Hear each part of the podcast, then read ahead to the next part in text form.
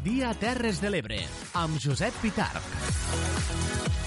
Molt bon dia, 4 minuts sobre el punt de la una del migdia. Iniciem un dia més, una setmana més, el programa El Dia Terres de l'Ebre, aquest magazín informatiu que de manera conjunta els oferim a través de sis emissores municipals de ràdio de les nostres terres i gràcies al treball, a l'esforç, a la dedicació dels companys i companyes de cadascuna d'aquestes emissores, que són Tere Giné i Clara Seguí des de la Plana Ràdio, Núria Mora, Clàudia Ruiz i Xavier Falcó des de Ràdio Tortosa, Laia Oltra, Francesc Callau i Daniel Rodríguez des de la Cala Ràdio, Judit Castells i Jonathan Valls des de Ràdio Joventut, Eduard Carmona i Leonor Bertomeu des de Ràdio Delta. I Tomàs Ginestra, Jordi Galo i Manel Ramon des d'Amposta Ràdio. Des d'ara mateix i fins al punt de les 4 de la tarda estirem al seu costat, si així ho desitgen, per tal de mantenir-los informat, d'explicar-los tot allò que passa a les nostres terres. Unes notícies en esta primera hora que en el dia d'avui, en aquest dilluns 9 de desembre, presenten els següents titulars.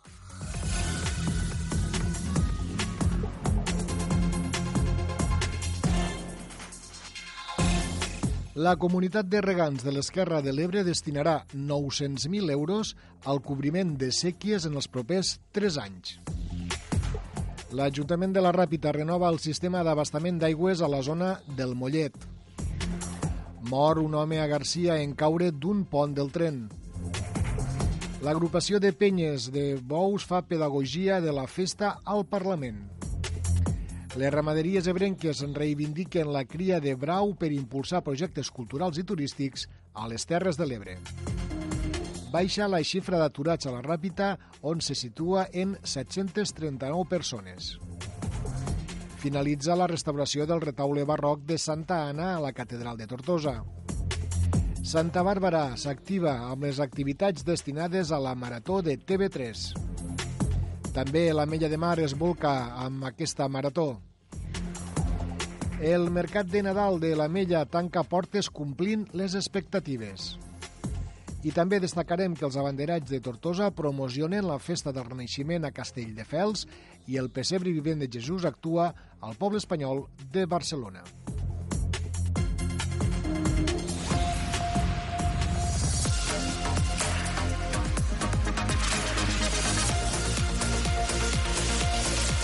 Al dia. La Comunitat General de Regants de l'Esquerra de l'Ebre ha celebrat la seva Junta General en la que s'han donat compte de diverses qüestions importants. Potser una de les més destacades, pel que fa a les properes inversions, és la del cobriment de diverses sèquies més per a la lluita contra la vegetació. De tot plegat, en té més detalls Leonor Bertomeu. La comunitat de regants de l'Esquerra de l'Ebre destinarà 900.000 euros al cobriment de sèquies en els pròxims 3 anys per a reduir els costos de control de la vegetació. Esta és la principal inversió prevista en els pressupostos de la comunitat per al 2020 i que la Junta General de l'entitat va aprovar per unanimitat el passat 30 de novembre. Amb aquestes obres es pretén reduir els sobrecostos derivats de normatives com la de les mesures agroambientals que prohibeixen l'ús de tractaments herbicides, cosa que ha fet que les despeses de control de la vegetació hagin augmentat un 68% en els últims 5 anys i actualment superen ja el milió d'euros anual. Les obres es faran, entre d'altres, a les sèquies Estisora, Paella o Passeig i als braçals Gregó o Illeta, als termes municipals de Deltebre, Camarles i l'Aldea i s'afegiran als 4,5 quilòmetres d'entubaments que es van executar la campanya anterior.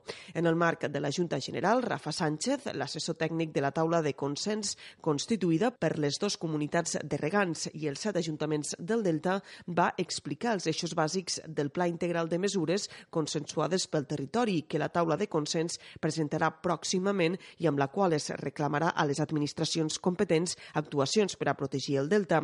A més de l'aprovació dels pressupostos i la derrama per al 2020, que serà de 48 euros jornal, a la Junta General es van celebrar també eleccions per a la renovació de càrrecs de la comunitat, amb un ampli suport. Víctor del Sors continuarà en el càrrec de president de la comunitat de regants, mentre que Javier Casanova, José Frank i Domingo Alcalá ho faran com a vocals de la Junta de Govern, acompanyats per dos noves incorporacions, Juan Carlos Fornós i Antonio José Domingo, així com la d'Òscar García Bonet com a vocal suplent.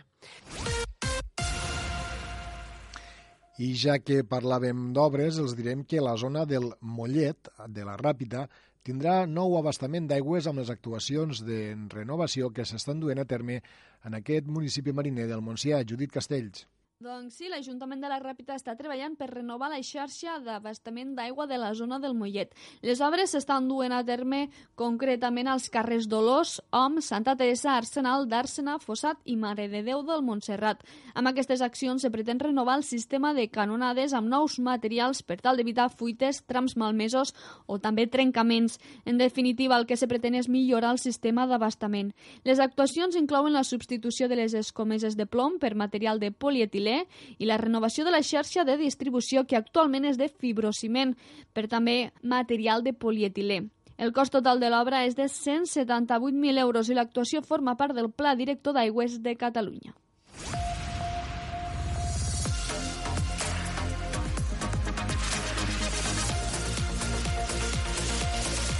Al dia. De la crònica del fet divers hem d'explicar-los que un home que caminava al costat de les vies ha mort en perdre l'equilibri al pas d'un tren i caure d'un pont al poble de Garcia, segons que van informar fonts dels cossos d'emergència i de l'Ajuntament d'aquesta població. L'home formava part d'un grup d'excursionistes que es disposaven a iniciar una ruta senderista i que es va incorporar erròniament per un cantó de les vies on no hi ha vorera, segons les mateixes fonts del consistori. El pas del tren va desestabilitzar l'home, que va acabar caent pel pont, segons que van indicar.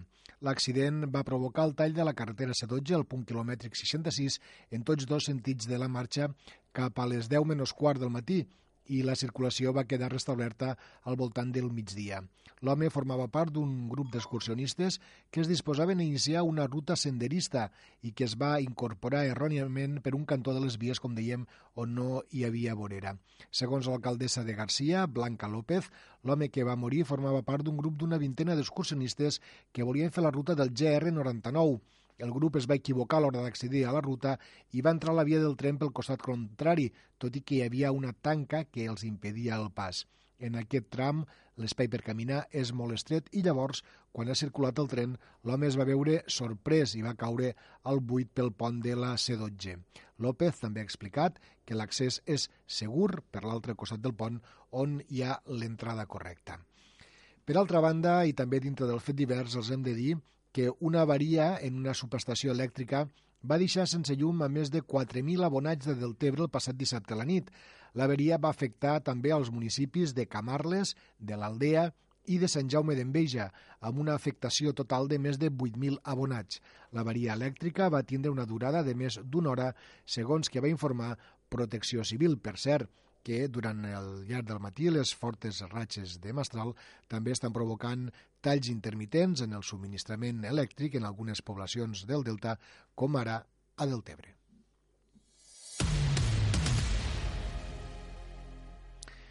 L'agrupació de Penyes fa pedagogia de la Festa dels Bous al Parlament de Catalunya. Des de fa unes setmanes han iniciat una ronda de converses amb els diferents partits polítics per tal d'explicar-los la realitat de la Festa dels Bous al nostre territori. Ens ho explica Tere Ginet. Efectivament, així ens ho explicava Santi Albiol, el president de l'agrupació de penyes i comissions taurines de les Terres de l'Ebre. L'entitat que presideix ha iniciat una ronda de converses amb els diferents grups polítics al Parlament per tal d'explicar la realitat de la festa dels bous que defensa l'entitat. Nosaltres enteníem que la veritat que podien explicar-los les plataformes antitaurines res significaria o res tindria a veure amb el que és l'autèntica essència de lo que representen les festes amb bous als nostres pobles.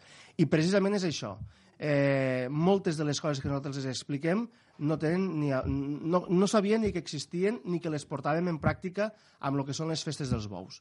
I la veritat és que hi ha molt a dir i molt a explicar. Sempre hem dit que no és només veure el bou o la vaca córrer pels carrers a les places, sinó que la festa dels bous comporta i porta al darrere moltíssimes altres actuacions i moltíssimes altres coses que engloben la, el que és la festa pròpiament.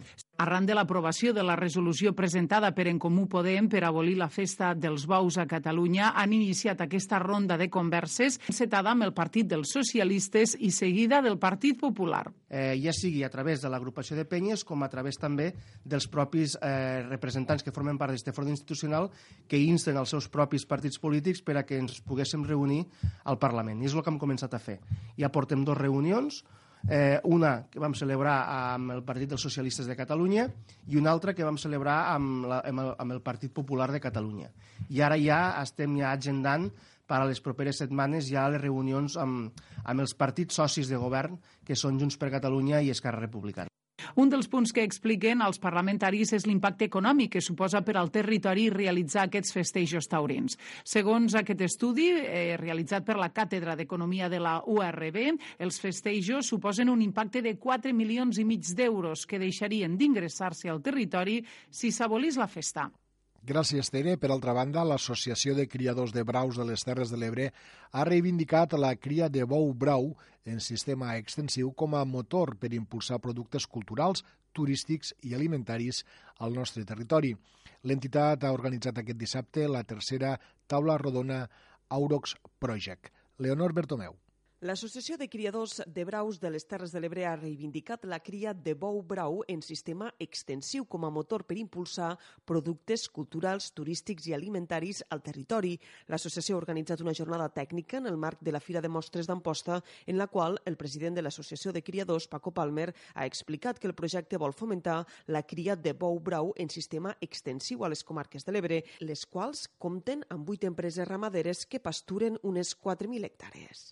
Eh, bueno, nosaltres tenim eh, l'aprofitament càrnic, tenim la festa, que és l'activitat econòmica que li ajuda a donar una mica més de vida, i també volem un producte turístic de qualitat, una ruta del bou a les Terres de l'Ebre, per a que en lloc de pasturar 4.000 hectàrees, pues que el pròxim dia que ens poguéssim assentar a parlar, d'aquí 5-10 anys, n'estéssim pasturant 12.000 i en lloc de 8 ramaderies n'hi haguen 20 o 25. Aquest és l'objectiu de l'Associació de Criadors, posar en valor la cria de bou brau en sistema extensiu. Palmer defensa que el sector ha de combinar l'activitat de venda de productes derivats de la carn del bou brau amb les festes tradicionals amb bous i la creació de projectes turístics i ha assegurat que defensaran amb ungles i dents les festes tradicionals amb bous.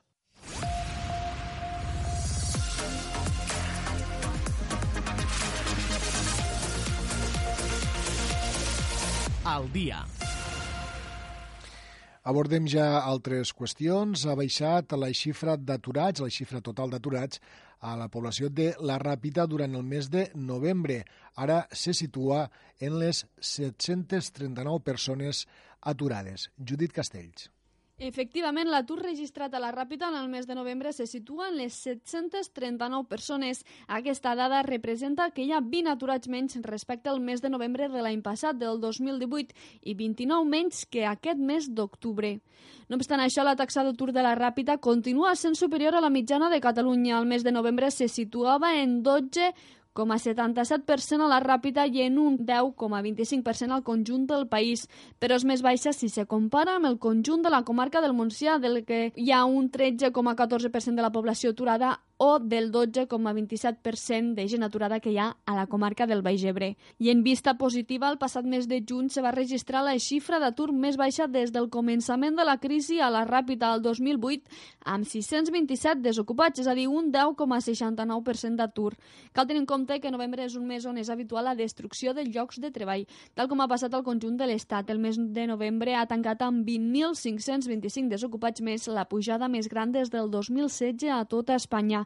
A Catalunya l'atur també ha augmentat respecte al mes d'octubre, amb 2.915 persones més. En tots dos casos cal subratllar que hi ha menys aturats que el novembre de 2018, en torn a un 1,5% menys. El retaule barroc de Santa Anna ha tornat a la catedral de Tortosa un cop ja ha finalitzat el procés de restauració per part del Centre de Restauració de Béns Mobles de Catalunya. El procés d'ubicar-lo al seu emplaçament no es preveu que realitze, però fins als primers mesos de l'any vinent. Clàudia Ruiz. El retaule és obra de l'escultor Isidre Espinal i del seu fill durant la primera meitat del segle XVIII i està format per 56 peces. La seva restauració, promoguda pel capítol de la catedral i pel bisbat de Tortosa, s'ha allargat un any. El retaule es va desmuntar l'any passat amb caràcter d'urgència en detectar-se un alt risc de col·lapse d'un dels laterals a causa de l'estat de conservació molt deficient del suport de fusta i de l'estructura. Davant la posada en perill de la integritat del retaule es va procedir a avaluar-lo, la qual cosa va permetre determinar determinar que el retaule no s'hauria desmuntat mai des de que va ser obrat pels seus autors.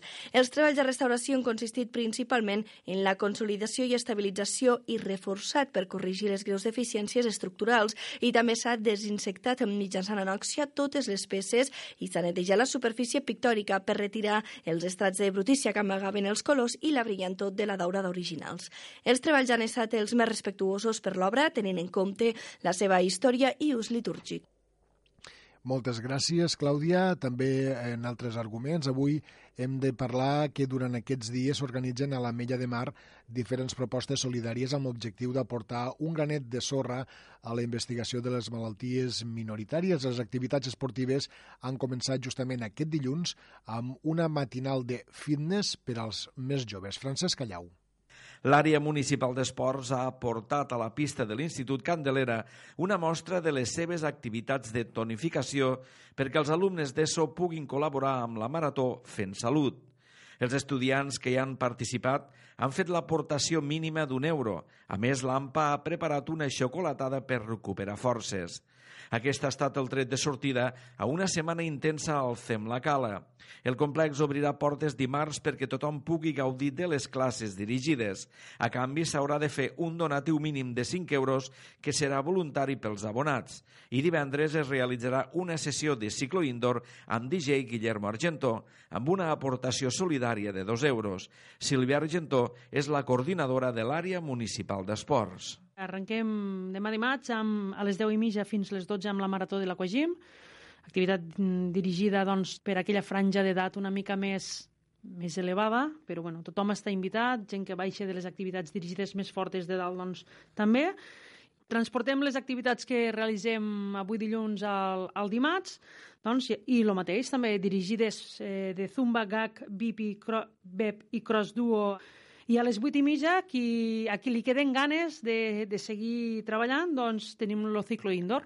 I recordar doncs, que aquesta activitat és tant per abonats al FEM La Cala, que el que fan és un, un donatiu solidari, el que ells creuen convenient, i la gent que no està abonada al complex esportiu poden participar durant tot el dia també eh, fent un donatiu de 5 euros al, a l'entrada del FEM, a la recepció. La següent cita serà diumenge a la tarda del poliesportiu, on hi haurà exhibició de gimnàstica rítmica, twirling, patinatge, kempo, taekwondo, ball i zumba en el festival esportiu, amb una entrada de 2 euros solidària.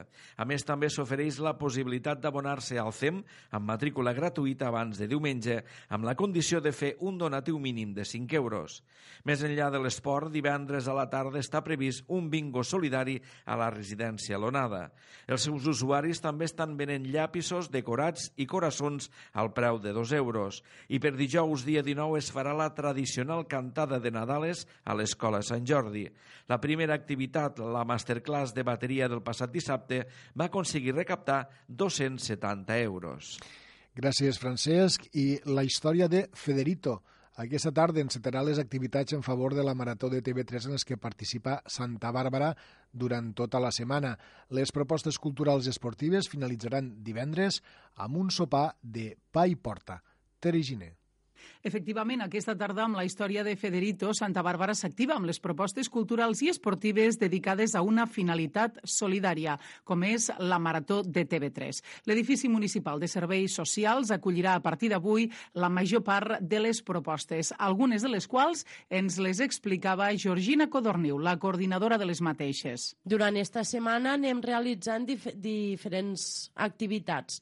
Llavors, eh, dilluns farem un, un teatret infantil infantil al Centre Municipal de Serveis Socials que va dirigit, pot vindre tothom, però va dirigit especialment a de xiquets i xiquetes de 2 a 12 anys. En dimarts eh, a les 5 de la tarda fem una manualitat nadalenca que és per a infants i per a adults. Eh, lo dimecres fem una ruta pels parcs de salut de la població. Dijous arribarà el torn de la cuina, elaborant postres solidaris al menjador de l'escola, que es podran degustar el divendres en un sopar de pa i porta amb exhibició de twirling inclosa. D'altra banda, durant aquests dies també hi ha molta gent que està fent treballs d'origami amb les grulles solidàries, una iniciativa de la Fundació de la Mútua General en la que des dels seus inicis Santa Bàrbara hi participa. Llavors eh, ens envien el que són les grulles i bueno, tots els anys és diferent. Eh, L'any passat va ser que s'havien de pintar i plegar i aquest any era portaven el paperet i havies d'escriure un desig desitjant més que res pues, als pacients de les malalties minoritàries pues, donant ànims o un desig teu personal i llavors se pleguen eh, quan les tenim totes, que per això vaig donar de marge fins al dia 9, perquè el dia 10 les portarem a Tortosa i des de Tortosa les envien a Barcelona. Llavors, lo, des de Barcelona donen un euro per grulla realitzada. Amb l'import que es recaptarà de les grulles solidàries i també amb els pagaments simbòlics de cadascuna de les activitats que es porten a terme, es farà la recollida de diners que s'entregaran en nom del municipi de Santa Bàrbara a la Marató de TV3. I nosaltres tornem a la Mella de Mar, ja que la regidoria de comerç de l'Ajuntament d'aquesta vila ha fet una valoració molt positiva de la Fira Nadalenca que ha omplert d'activitat el Parc del Bon Repòs durant tot el pont de desembre. Prop d'una tretantena de comerços i entitats locals han participat en aquesta primera edició. Francesc Callau. L'encesa de llums que es va haver de fer dins de la carpa pel temps va donar el tret de sortida al mercat de Nadal, que ha comptat amb molta participació. El públic ha pogut comprar des de productes de decoració nadalenca, gastronomia, regals o complements en les diferents parades. La regidora de Comerç, Maite Boquera, celebra tan bona acollida. Hem tingut molts visitants durant aquests dies i això ens dona no, força i il·lusió per continuar treballant, sobretot pel comerç local, perquè ells també han tret una part positiva, les primeres impressions, i que estaven molt contents sobretot eh, remarcar una miqueta el divendres que era festiu, va haver molta afluència de gent, eh, el temps també ens ha acompanyat i, i la veritat que amb ganes de continuar treballant. De fet, la voluntat per l'any vinent és repetir amb el mercat, sumant-hi més establiments amb el clar objectiu de promoure el comerç local. Durant els quatre dies també s'hi van realitzar diferents activitats per a tots els públics. Una fira que ha servit per donar el tret de sortida a la campanya comercial de Nadal al municipi. I atenció a una notícia de darrera hora. Un grup d'animalistes, quatre dones i un home, han presentat una denúncia als Mossos d'Esquadra per rebre una agressió quan sortien de gravar imatges del bou embolat que es va celebrar el dissabte a la tarda a les festes majors de la segregació de Camarles, al Baix Ebre. Segons que han denunciat, diverses persones els van rodejar en sortir de la plaça, els van donar puntades de peu i també els van llançar pedres. Finalment van arribar als seus vehicles i, escortades per agents dels Mossos d'Esquadra, van poder marxar amb el part de lesions van presentar aquella mateixa nit una denúncia a la comissaria de Tortosa. L'entitat Anima Naturalis revisa les imatges que van poder gravar per intentar demostrar aquests fets. I nosaltres ara canviem de tema, continuem parlant de temes eh, culturals. Els abanderats de Tortosa han promocionat la festa del Renaixement a la Fira Medieval de Castelldefels, que s'ha celebrat aquest llarg cap de setmana. Per la seva banda, el Pessebre Vivent de Jesús ha actuat al poble espanyol de Barcelona. Ens ho explica Núria Mora. Concretament, la Colla Jove de Tortosa ha participat aquest cap de setmana a la Festa Medieval de Castelldefels, Castrum Fidelis. L'actuació dels abanderats, que ha estat una de les que més expectació ha aixecat, ha servit per donar a conèixer la Festa del Renaixement de Tortosa. De fet, moltes persones van mostrar el seu interès per venir a visitar aquest esdeveniment històric l'any que ve, que celebrarà la 25a edició. El president de la Colla Jove de Dolçainers de Tortosa i un dels abanderats, Javi Falcó, ha posat en valor aquestes actuacions per portar la bandera de la capital de les Terres de l'Ebre arreu del país. Una vegada més, la festa del Renaixement de Tortosa surt de la ciutat, aquest cop de la mà de la colla jove de dolçainers de Tortosa, amb el grup d'abanderats, i bueno, sempre és un motiu d'orgull portar la bandera de Tortosa, de la nostra ciutat, eh, arreu on anem, ja sigui dintre del nostre país com fora de les nostres fronteres i, eh, i aquest cop també amb la satisfacció de poder assistir al debut de dos nous abanderats, una abanderada i un nou abanderat que s'incorporen a la nostra família. D'altra banda, una seixantena de persones han representat el pessebre vivent de Jesús al poble espanyol de Barcelona aquest dissabte passat. Actors, modistes, artesans, tècnics o guies s'hi han afegit per fer possible la representació teatral del pessebre. La representació va suposar un reclam per al públic del recinte, ja que va comptar amb molts espectadors en tots els passis. Es van poder veure les escenes més tradicionals del pessebre jesusenc, començant per l'anunciació i el casament de Maria i Josep. Seguidament, les xafarderes es van guanyar el somriure somriures dels visitants del poble espanyol, podem veure així també el folklore tortosí. L'activitat va ser el preludi de les representacions que es duran a terme a Jesús els dies 25, 26, 28 i 29 de desembre als jardins de les Germanes Teresianes amb passis a les 6 de la tarda i a les 7 i mitja del vespre. Fins a Barcelona també s'hi va desplaçar una delegació de la Fira de l'Oli de Jesús per promocionar-la amb un tas d'all i oli que no va deixar indiferents als visitants.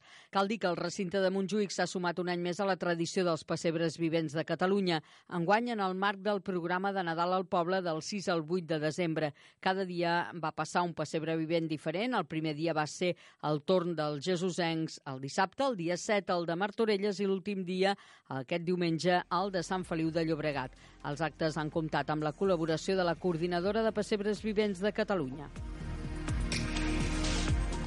I encara en clau cultural, parlar i dir-los que el Consell Comarcal del Baix Ebre ha col·laborat en l'edició de la comarca del Baix Ebre, Dinàmiques i Transformacions davant dels reptes del tercer mil·lenni, del topògraf i historiador Antoni Querol, un llibre que analitza la situació socioeconòmica del Baix Ebre i que forma part de la col·lecció Cadup Estudis de la UNED. El llibre fa un repàs del medi físic comarcal, la realitat socioeconòmica i la sostenibilitat ambiental l'envelliment i la manca d'infraestructures són dos de les principals problemàtiques del Baix Ebre, segons l'autor del llibre. Per altra banda, un total de 19 fotografies opten al quart Premi de Fotografia de la Gent Gran convocat pel Consell Comarcal del Baix Ebre. Imatges sobre el Delta de l'Ebre, el riu Ebre, les Muscleres o la ciutat de Tortosa són algunes de les propostes fotogràfiques que han presentat els set candidats que aspiren al premi. El jurat ja s'ha reunit i el veredicte es farà públic el proper dia 12 d'aquest mes de desembre.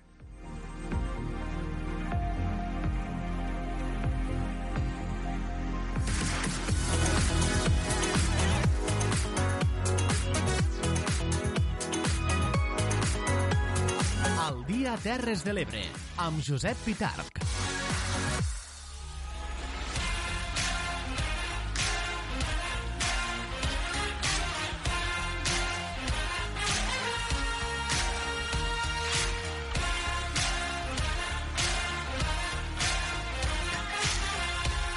Al dia, els esports de les Terres de l'Ebre. I pel que fa als esports, en aquest dilluns, tot i no haver tingut eh, jornada de futbol, jornada de lliga, les diferents categories en què participen equips ebrencs, sí que, eh, però, hem de destacar alguns encontres, és el que ara mateix avancem ja en titulars. Es juguen els partits aplaçats al futbol ebrenc. El Mora la Nova s'imposa al camp del Camarles per un gol a dos. L'Ull de Cona s'imposa al líder, la Rapitenca, que no pot acabar de distanciar-se. En aquest cas, l'Ull de Cona es va imposar per 3 gols a 1. Setmana clau per al primer equip de futbol de la Cala. I també destacarem que l'Escola Universitària UCES Terres de l'Ebre Universitat Rovira i Virgili organitza el vuitè torneig de futbol sala solidari de Nadal.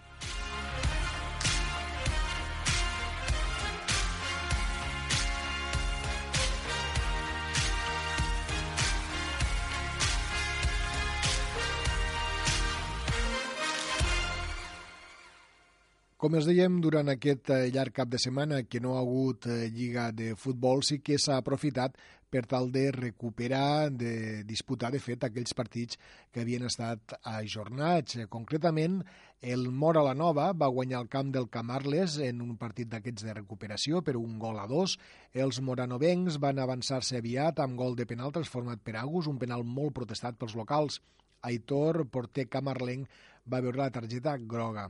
Amb el 0-1, el Moranova va tenir més control de pilota, però el Camarles, molt intens, va poder superar amb els minuts les línies de pressió i va tenir una opció. A la segona, Carlos va empatar A la represa, eh, després de la mitja part, els locals van sortir més posats, però una genialitat de Bernet va deixar sola Agus davant d'Aitor. El porter local va fer penal i, a més, va veure la segona groga. Agus va fallar-lo. El Camarles amb 10 va insistir i Rosales va tenir dos possibilitats en accions a pilota aturada. Sergi José va fer un travesser i quan potser més estava posat en el joc el Camarles, tot i jugar amb un home menys, una passada interior va pescar la Gerard per a marcar l'1 a 2. Els locals van tenir una darrera ocasió per empatar amb un tret del juvenil del futbol formatiu Adrià que va evitar Marc, el porter visitant. Per la seva banda, l'Ull de Cona va guanyar a casa a una rapitenca que eh, se li, de fet se li ha complicat la possibilitat de marcar més distàncies en el lideratge de segona catalana. Ens ho explica Clara Seguí. L'Ulldecona va guanyar la Rapitenca en el partit de recuperació amb un marcador de 3 a 1. Els rapitencs van tenir un bon inici, van encetar el marcador aviat al minut 2, obra de Valcárcel, tenint dues opcions per encarrilar el derbi. L'Ulldecona, d'altra banda, no va entrar bé en el partit i els rapitencs així van acomodar-se, tot i tenir el control del joc fins al minut 33, quan va arribar el primer gol dels locals. En aquest moment es van posar dins de la confrontació arran d'un córner amb el gol Dion al segon pal marxarien al descans amb l'1 a 1. A la represa, la Rapitenca va sortir decidida a fer el segon gol, però es va trobar amb un ull de cona més organitzat que va contrarrestar els atacs locals, llegint força bé el partit. Una pèrdua de pilota visitant en zona d'iniciació va comportar una contra ràpida local i ben culminada per Miguel Reverter, qui deixaria un 2 a 1. La Rapitenca va intentar-ho, però sense claretat, i l'ull de cona va refermar la feina defensiva. En aquest moment, l'equip mariner, però, va abocar-se a l'expulsió de Ricardo, cosa que els va descentrar encara més. Al final, Callarissa va marcar el 3 a 1 final davant d'una eufòrica afició. Albert Bell és l'entrenador del Club Futbol Ulldecona eh, tres punts molt importants eh, esta setmana. Eh, sí que és un partit que per nosaltres eh, l'objectiu era arribar en 22 punts i els vam aconseguir contra el Montblanc i avui ens ho agafem com una festa, com una festa per a, i també una, una forma de, de medir-nos contra un gran rival com és la Rapipenca i a veure en quin nivell, en quin nivell estàvem. I penso, i penso que l'equip ha demostrat caràcter, ha demostrat treball, ha demostrat que, que vol fer alguna cosa important. Eh, la competició mos portarà allí, mos hagué de, de portar, però el que sí que està clar és que, excepte un partit partit, en, penso que són 13-14 jornades que portem, l'equip està competint, està competint molt bé tots els partits i, i inclús els partits que l'equip no s'emporta els tres punts eh, ha sigut per petits detalls, hem estat molt prop d'emportar-nos. Amb aquesta victòria, l'Ulldecona es col·loca en quarta posició a la taula amb 25 punts, empatats amb l'Amposta, el Tortosa i la Sènia, i la Rapitenca amb 27 deixa passar una ocasió per distanciar-se en el liderat. I encara en futbol, el primer equip de futbol de la Cala afronta aquesta setmana amb l'objectiu de sumar la tercera victòria consecutiva i que els permeti continuar escalant posicions en la taula classificatòria. Francesc Callau. La suma de les dues victòries davant de la Rapitenca B i el Sant Jaume han fet que l'equip calero hagi sumat 6 punts a la classificació en una setmana i s'hagi col·locat a la onzena posició de la taula. A més de superar la Rapitenca B i al Godall a la classificació, els caleros han posat molts punts de diferència respecte a la zona baixa i, en canvi, s'han atansat a pocs punts de la zona capdavantera. Aquest fet fa que els aficionats ja comencin a mirar els primers llocs de la classificació, tot i que, com destaca Ivan Romeu, entrenador de l'equip, el vestidor no ha deixat mai de pensar en la zona alta. Quan analitzem la classificació, nosaltres sempre mirem cap a dalt, perquè al final som conscients que en, en les jornades que portem, tot i que s'han perdut partits i, i, i n'han hagut que doncs, potser s'havien de guanyar i s'han empatat, que en cada un dels partits que hem jugat hem tingut opcions de guanyar-los i això només ens diu que sempre hem d'estar mirant cap a dalt i no hem d'estar mirant cap a baix, hem de ser ambiciosos en aquest sentit. Dissabte els caleros rebran a casa l'Arnes, un equip que en les darreres jornades ha estat capaç de treure bons resultats amb els rivals com l'Aldeana i el Batea, segon i primer classificats. El partit, recordem, servirà per retre homenatge a l'exporter de la cala, Olegario Vila.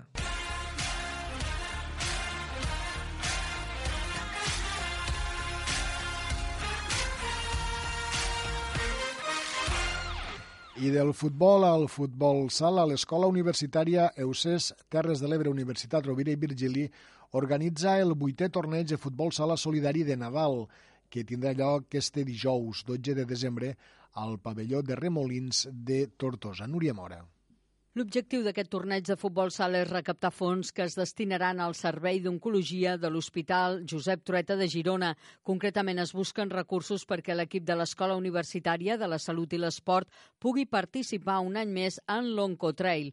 L'organització del torneig va a càrrec des de fa dos anys dels alumnes de quart de grau de Ciències de l'Activitat Física i l'Esport d'EUSES. Javi Nadal és el director de l'Escola Universitària de Salut i l'Esport a les Terres de l'Ebre. Aquesta activitat, aquest torneig, eh, des de fa dos anys, l'organitza el grup d'alumnes de quart de cafè, perquè es va incloure dintre d'una assignatura, que és la de disseny de l'educació física i que és de l'àmbit de la gestió, i que va ser una mica arrel de que el, la institució EUSES eh, fa un equip de, a la Oncotrail Llavors, una de les activitats per a recaptar fons per poder participar en aquesta Oncotrail va ser, bueno, des de, des de l'assignatura i a partir d'aquests alumnes, doncs, eh, organitzar aquesta, aquesta activitat.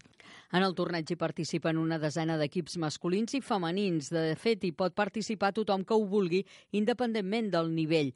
Habitualment són estudiants universitaris. Javi Nadal confia que també s'hi apuntin estudiants dels diferents graus de la URB al campus Terres de l'Ebre. La veritat és que la, la iniciativa tingut molt bona acollida i bàsicament són equips universitaris. Enguany voldríem que equips de, de la URB, de, dels graus de, que s'estan impartint tant aquí a, a Tortosa, que és el de primària, infantil, ADI i infermeria, també se poguessin afegir en aquest torneig, perquè el, pràcticament el 100% dels equips són EUSES, tant del grau de fisio com de CAFE, tenim equips internacionals perquè, com ja saps, tenim molts alumnes francesos i, per tant, sí, sí. aquests també són, tenen molta inquietud futbolística. Enguany el torneig està apadrinat per l'exfutbolista professional David Cuellar, que serà present durant la competició aquest dijous. Cuellar es va formar als equips base de l'Atlètic Club de Bilbao, va jugar tres temporades al Nàstic, on va viure l'històric ascens a primera divisió. Per participar al torneig solidari de futbol sala cal formalitzar la inscripció, que es pot fer el mateix dia de la competició. La inscripció costa 3 euros per jugador. Estan previstos diferents premis al millor jugador o jugadora, el màxim golejador o golejadora i el millor porter o portera. Els partits es disputaran a partir de les 6 de la tarda fins les 10 de la nit dijous al pavelló de Remolins de Tortosa i estan previstes altres activitats esportives paral·leles mentre es disputen els partits de futbol sala amb la fórmula de competició express. Moltes gràcies, Núria, i amb aquesta notícia posem el punt final als esports, però abans de marxar, abans de passar a altres seccions, els volem també fer pública una nota que ha fet eh, Protecció Civil de la Generalitat dient que ha activat l'alerta del pla Bencat ateses eh, les previsions del Servei Meteorològic de Catalunya de fort vent avui i fins a la nit, que afectaran sobretot a la zona de Tarragona. El fort vent afectarà també a les comarques de les Terres de l'Ebre, a Lleida i a cotes altes del Pirineu i del Prepirineu. Protecció Civil de la Generalitat demana especial, especial prudència en les activitats a l'aire lliure, ja sigui en zones urbanes pel risc de caiguda de branques, arbres o altres elements estructurals, com també a les zones rurals. Cal evitar aquestes zones arbrades, incloses les d'àmbit urbà, mentre bufi el vent fort a les zones afectades. A nivell preventiu i en àmbits urbans, cal retirar les, de les façanes i balcons els elements que puguin quedar inestables i caure pel vent. També, igualment, cal extremar les precaucions en la mobilitat a les zones on el vent bufe fort i seguir en tot moment els consells del Servei Català de Trànsit.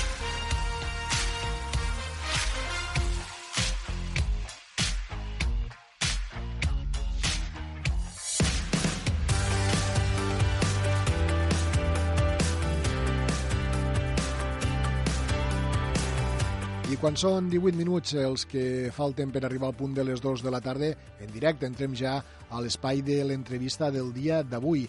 L'artista ebreny Ignasi Blanc va participar el passat dia 30 en els actes de commemoració de la caiguda del mur de Berlín que es van celebrar a la capital alemanya. També és un dels artistes que ha pres part en el segon Mercat Solidari d'Art de Tortosa, fent dibuixos en directe per a les ONGs Atzavara Arrels, Creu Roja Tortosa i la Lliga contra el Càncer. El dia següent va presentar el llibre Un bosc ple d'amor, del que n'és coautor amb Jordi Cuixart i que ha publicat Òmnium Cultural. I encara hem sabut durant aquests dies que ha fet les il·lustracions de la Casa Ronald McDonald i de la Sala Ronald McDonald de l'Hospital de la Vall d'Hebron. I si això fos poc, el proper dissabte tindrà lloc a la Casa del Llibre de la Rambla Catalunya de Barcelona la inauguració de l'exposició Sota el mateix cel, Trobades a la vida, les il·lustracions originals d'Ignasi Blanc dels llibres creats tant amb Olivia Newton-John, Leif On, com també amb el de Jordi Cuixart que acabem d'esmentar, Un bosc ple d'amor. Senyor Ignasi Blanc, bon dia. Hola, bon dia, què tal? Com esteu? Molt bé, senyor Hola. Blanc, déu-n'hi-do. Està, aquí està vostè, és que, està vostè que no para, eh? D'entrar el temps. Sí, sí, és una temporada una mica, una mica forta de feina, però, però agraït i content també, eh? Uh -huh. eh, anem a pans de tot això que, que acabem de- de- d'esmentar. De, eh, com va anar per Berlín? Molt, molt content, perquè a Berlín no ens podia imaginar ningú que passarien 30 anys d'aquella primera pintura al mur Mm. i va ser un, una emoció poder celebrar aquest aniversari, no? Molt, molt contents, molt de tenir encara la pintura present allà sobre el mur. Recordo perfectament aquell, aquella, aquells temps eh, i que vostè va viure d'una manera molt intensa allà a la capital alemanya. Molt intensament perquè, clar, per una banda era molt jove, això d'una banda, per l'altra també que el, els, els fets, els, els, el que va passar era un fet històric que, que no ens podia imaginar no? que coincidíssim. Després de 30 anys, aquells fets cobren importància i, i és com molt especial haver viscut. Mhm. Sens dubte que ha sigut una de les fites eh, polítiques i eh, socials, podem dir, eh, més destacades de, del segle XX, de finals del segle XX, eh, i que va marcar justament, eh, va representar la caiguda d'alguna manera de tot un sistema econòmic i polític, eh, que era el de l'Europa de l'Est i la de la Unió Soviètica i, i de retruc també la, la, la Guerra Freda. Per tant, vostè va plasmar aquest moment eh, en, un, en una il·lustració que, que me diu que, que continua allí, no? Sí, continua present, de, com, les, com les dels meus companys també que van fer-ho, continua present amb un quilòmetre i mig del mur que s'ha deixat com a testimoni d'aquesta paret tan important com explicaves, i, i encara es pot veure just entre el barri de Kreuzberg i davant del, de la, del metro, del tren Ostbahnhof, Ah. estan allà encara aquestes pintures. A més a més, ara són monument de protecció i en principi seguiran per sempre. espero. Molt bé, eh, Ignasi Blanc, parlem també d'este llibre amb Jordi Cuixart, Un bosc ple d'amor. Com va néixer la, la col·laboració entre vostè i Jordi Cuixart? Aquest va ser, va ser primer una col·laboració que va, va ser a partir d'un llibre col·lectiu en el qual hi havia diferents contes i diferents il·lustradors. A mi em va correspondre il·lustrar aquest conte breu que el Jordi havia escrit a la presó de Soto del Real, a Madrid, i el que no ens esperàvem tampoc és que després, com tu comentaves també, Òmnium i l'editorial Estrella Polar, amb el vistiplau i les ganes totes del Jordi, esclar, va fer la proposta de fer un llibre il·lustrat com aquest que ara presentem, no?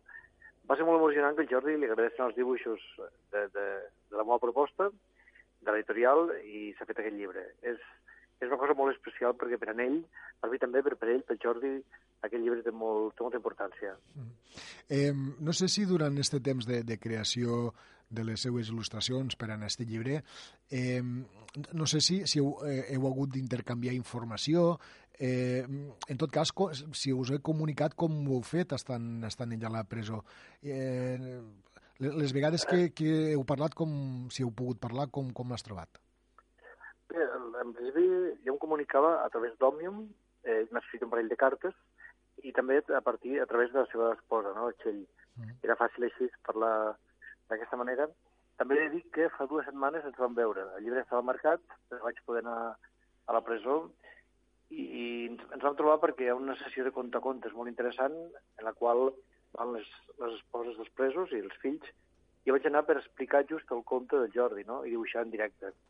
Va ser molt emotiu perquè vam poder estar quatre hores junts, amb ell i amb els presos, i, i fou molt, molt entranyable celebrar junts d'alguna manera no, aquest llibre, malgrat les circumstàncies, i així és la manera, comunicar-nos primer a través sobretot de la seva esposa i després eh, celebrar junts la, la il·lusió que ens fa aquest llibre, no? Eh, què, què diu ell del llibre? Està molt content ell, perquè quan va escriure estava a Madrid i m'explicava que havia escrit aquest llibre des del el poc que veia des del pati. La presó del Sol Real és una de les antigues, de les més antigues, i només veia tros de cel i sentia els ocells, i en veia alguns, i va imaginar com explicar aquests moixons i el seu cant eh, podien formar part d'una història que explicaria, pensava ell, al seu fill quan, quan algun dia pugui, no? Uh -huh.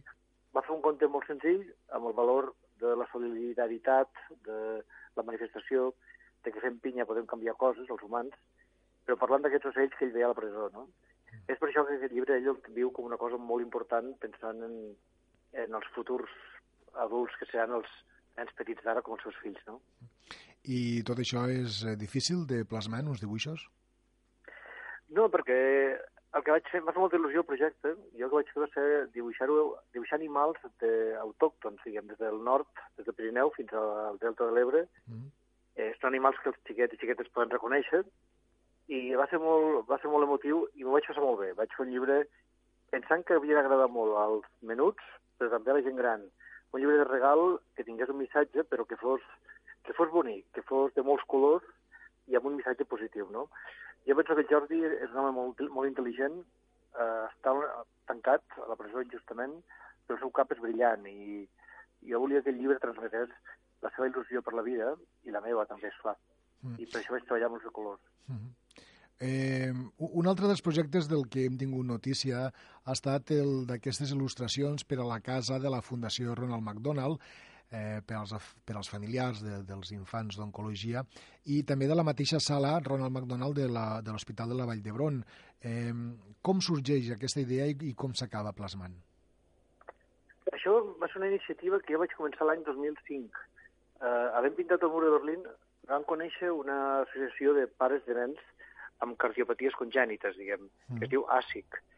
Des d'aquesta associació eh, van demanar si jo faria un projecte per tal d'humanitzar els hospitals, pintar els hospitals per fer més fàcil l'estada dels nens en malalties greus de cor. Així vaig començar a pintar la Llebron i, i va fer un projecte gran, van ser quatre sales primer, quatre plantes, vull dir, després van ser dos caps de barcelonès mm. i finalment Tortosa eh, i altres ciutats, no? fins i tot inclús a Colòmbia i a Croàcia. Eh, I ara darrerament la Fundació Ronald McDonald, que fa aquest servei a nens amb malalties greus que els seus pares i germans puguen estar també prop, del nen malalt, mm. sí, em van demanar de, de fer la imatge tant de la casa que tenen com de la fundació, com tu explicaves. Ho acabo de fer, estic molt, molt emocionat perquè realment és una tasca que ajuda moltíssima gent que està en situació de, bueno, de vulnerabilitat per la salut, no? I és molt, és molt important que es faci això. Eh, li anava a dir, eh, t'has de sentir molt orgullós i satisfet quan saps que les teues eh, il·lustracions, els teus dibuixos, ajuden a passar millor el temps a unes persones que tant ho necessiten.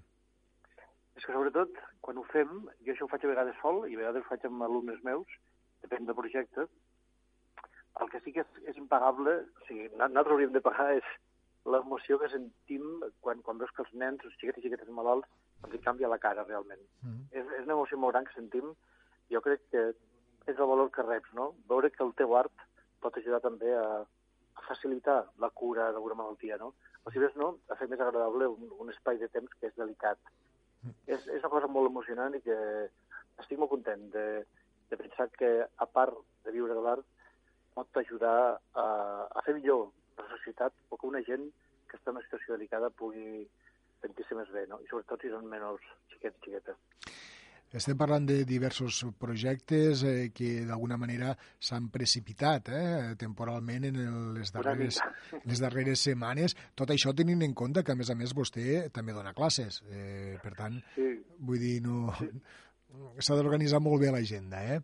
Però és que a, a, ahir mateix em sorprenia perquè eh, vam assabentar-nos de que el proper dissabte, a partir de les 12 i mitja del migdia, a la Casa del Llibre, eh, situada a la Rambla de Catalunya de Barcelona, inaugurarà l'exposició Sota el mateix cel, Trobades a la vida, i que consisteixen en les il·lustracions que il·lustren els eh, llibres mm, que vostè conjuntament ha fet, en aquest cas amb Olivia Newton-John, del qual ja en vam parlar, i també amb aquest que ara parlàvem de Jordi Cuixart. Sí, això ha estat perquè, clar, a nivell de promoció del llibre del Jordi, es, ens van proposar poder fer una exposició conjuntament i les dues editorials van coincidir amb, amb l'interès en fer una exposició dels originals d'aquests dos llibres sortits gairebé al mateix temps, el de l'Olivia Newton-John i el de Jordi Cuixart, uh -huh. En aquesta exposició jo vaig pensar en el títol, sota el mateix cel, perquè d'alguna manera, com a persones, tant s'hi val amb quina lliga juguem, diguem, no? Però he fet el llibre amb l'Olivia, he treballat amb ella, i també amb el Jordi, i em semblava que estem tots sota el mateix cel, no? Mm. I hi haurà seguit, de fet, 10 il·lustracions originals de cada llibre, amb la idea de, de mostrar una mica aquest treball que faig eh, com a il·lustrador de llibres, no? I tots, I tots llibres que són molt importants per mi, esclar. Eh, ens hem deixat abans de comentar també que la setmana passada vau participar en el Mercat Solidari, el segon Mercat Solidari que es fa en benefici d'unes ONGs eh, de la ciutat de Tortosa eh, i vau estar fent dibuixos en directe, no? Sí, això organitza el col·lectiu Lo Taller, als quals jo els estic molt agraït perquè l'organització és increïble i funciona molt bé, que em convidessin em fa molta il·lusió. Sí, això està per a les entitats de Tavara, com tu havies dit abans, a Tavara Reals, Creu Roja, mm. que lliga contra el càncer. I també tots els artistes que participem, part del benefici del nostre treball és per a aquestes entitats. Em van convidar, vaig dibuixar en directe tres il·lustracions i, i bé, una satisfacció també poder formar part d'aquesta exposició solidària i, i molt content, molt. Eh, hem fet un, un repàs de totes les activitats de les quals i projectes de les quals vostè ha, d'alguna manera, ha capitalitzat durant, durant aquestes setmanes, però ja per ser l'última pregunta no em puc resistir de fer una mica la pregunta tòpica, eh, si volen, en aquests casos. Eh, I ara, en projecte què, Ignasi Blanc?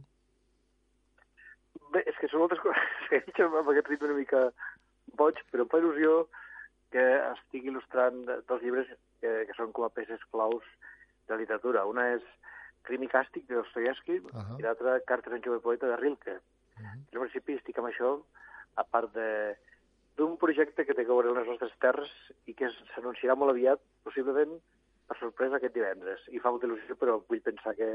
Vull deixar que ho anuncien les persones que col·laboren. Mm, bueno, molt bé, estirem pendents d'aquest possible anunci divendres. Eh, no sé si, si tindrem ocasió de parlar amb alguna d'aquestes altres persones que vostè diu que participen. Estirem amatents, estirem atents a... Estic segur que sí, estic segur que sabreu. estirem atents a veure, a veure com evoluciona. Ignasi Blanc, il·lustrador, artista, moltíssimes gràcies per atendre la nostra trucada. Enhorabona, enhorabona per tots aquests projectes que estàs impulsant perquè, com molt bé comentaves, no només serveix, en aquest cas, per a que un artista com tu pugui, eh, pugui dedicar-se no, a la pintura, sinó perquè també, i segur, fa la vida molt més fàcil a moltíssimes persones. Una abraçada i molt, moltíssimes gràcies. Molt. Moltes gràcies a vosaltres. Adéu.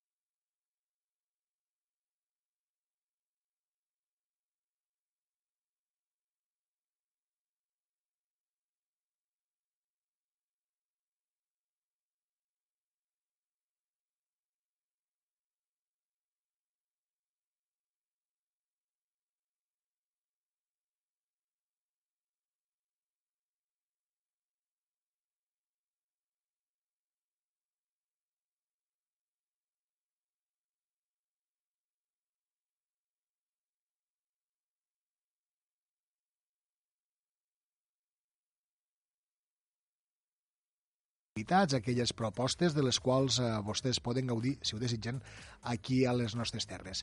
I pel que fa en aquest en este espai, comencem ja l'agenda.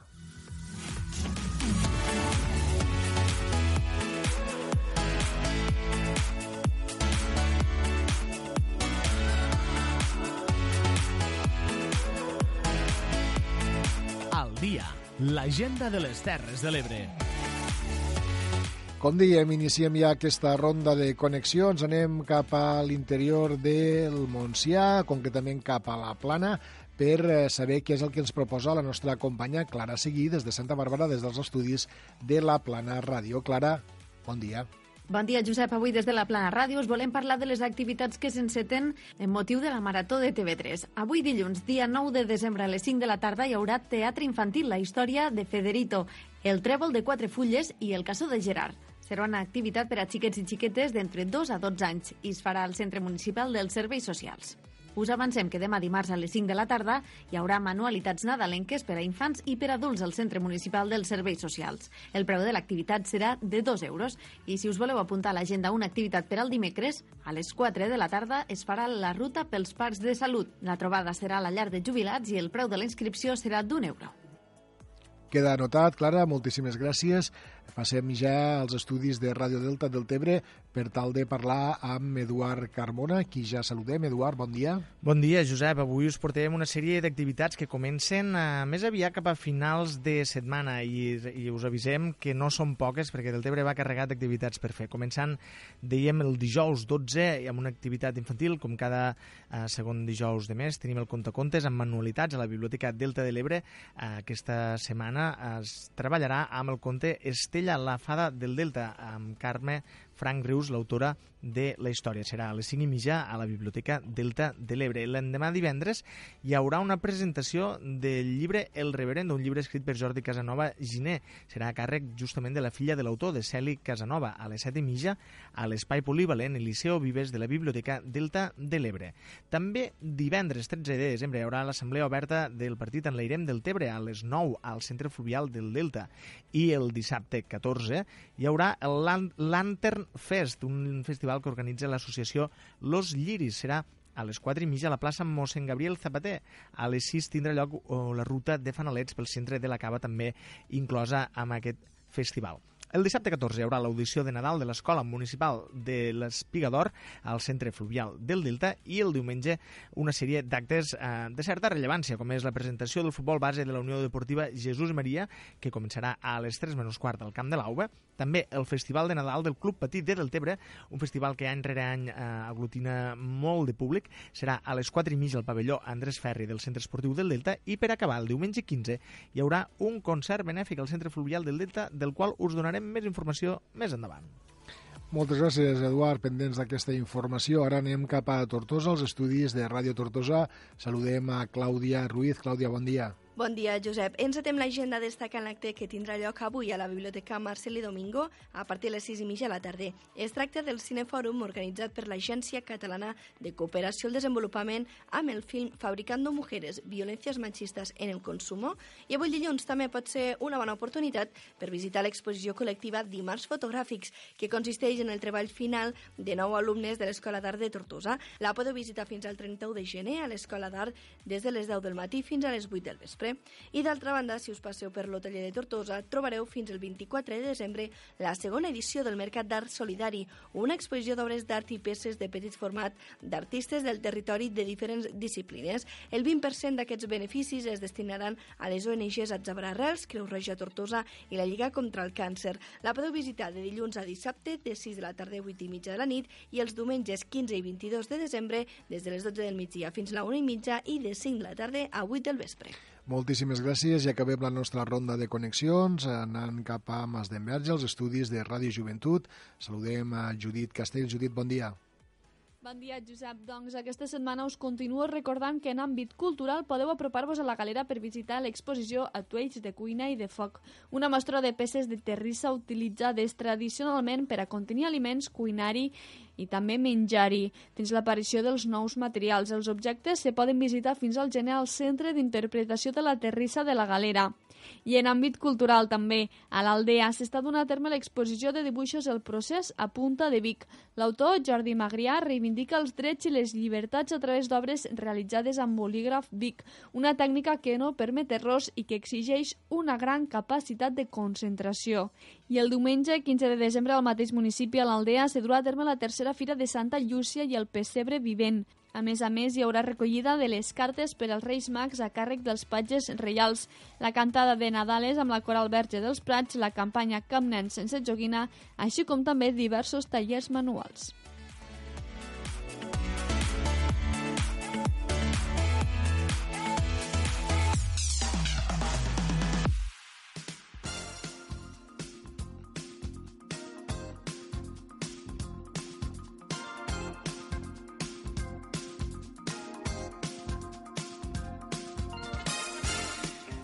11 minuts sobre el punt de les 2. Abans, a l'hora de les notícies, ja hem pogut escoltar que eh, hem fet referència als diferents actes que es fan a poblacions de les nostres terres i, eh, en aquest cas, en favor de la Marató de TV3. Hem escoltat allò que es, fa, que es farà a Santa Bàrbara, també allò que està programat a la Mella de Mar. I ara volem continuar parlant de més actes d'aquesta Marató que, com saben, està dedicada a, la, les malalties minoritàries i en aquest cas volem parlar dels actes que es faran a l'Auditori, a l'Auditori Teatre de Sant Jaume d'Enveja. Per això el nostre company Eduard Carmona té a punt una entrevista a Amaya i a Mario i volen parlar de la malaltia d'Usher que afecta al petit Leo. Eduard, quan tu vulguis. Si Tempo Teatre amb la Marató de TV3. Diumenge 15 i dissabte 21 de desembre, a les 6 i mitja de la tarda, al Teatre Auditori de Sant Jaume d'Enveja, es representarà la popular i tradicional obra de Nadal Les Pastoretes i Dimoniets del Delta. Vine i col·laborar. La recaptació anirà íntegrament a la investigació i recerca de les malalties minoritàries. Hola, sóc Leo. Us invito a veure l'obra de teatre i a conèixer la síndrome de Usher. Som-hi, juntes i junts ho farem possible. Terra, gira la vida. Mentre donem voltes la lluna mira. Gira la terra, gira la vida. Dóna'm Doncs ja ho hem sentit, el proper diumenge 15 de desembre Tempo Teatre organitza l'obra dels Pastorets i els diners que recolliran seran exclusivament per a la Marató de TV3, que enguany està dedicada a les malalties minoritàries. Durant l'obra hi haurà un protagonista, que serà el Leo, i s'aprofitarà per explicar el seu cas. Leo és afectat del síndrome d'Usher. Bon dia, Amaya i Mario, heu vingut a parlar-nos bon de dia. la Marató Hola. i Sí. de la síndrome de Usher. Mhm. Què és això de la síndrome d'Usher? Bé, el síndrome d'Usher és una malaltia que afecta a nens sords que naixen sords i cap als 10 anys van mm, perdent la, la visió. Als 10 anys, més que res, tenen, vi, perden la visió nocturna, Mhm. vale? com, com li està passant ara al Leo, que els primers símptomes que vam notar era pèrdua de, de visió nocturna i també li, que li molesta molt la llum del sol i, Mhm. i les llums. I tal com aniran passant els anys, eh, s'anirà anirà degradant la vista a causa d'una retinitis pigmentària. Ahà. Sí. O sigui que les cèl·lules de la retina es van deteriorant. Això és una malaltia minoritària que afecta un percentatge molt petit de la població? Sí, al voltant de 4 per cada 100.000 persones aproximadament. Com que és una malaltia que afecta tan poca gent, us heu trobat que, per exemple, els metges no sàpiguen cap on anar o diguen, no, mira, que això és una cosa molt comú, que ja passarà? O què, o què us van dir la primera vegada que vau anar al pues, metge? vam anar a Sant Joan de Déu. Bé, allí ja, ja ho coneixíem, perquè allí tenen, tenen uns 20 casos, només, a Mhm. Sant Joan de Déu. I, i bueno, el que ens van dir que és un procés molt lent i que ara ens donarien hora fins aquí un any. I, i després anirien veient el, el procés tal com va el xiquet, perquè cada cas és diferent. Hi ha nens que se'ls desenvo- desenvolupa més aviat o, o va més lent. Vull dir que cada cas és diferent. Mhm. En tot cas, no és una malaltia que afecti els adults, no? Sí. També? Bueno, eh, naixen així, Mhm. Naixen així i pot ser també... Hi ha tres tipus de, de síndrome d'Usher. El tipus 1, que és el que té Leo, que naixen sords profuns, i cap als 10 anys és quan comencen a tenir problemes de visió.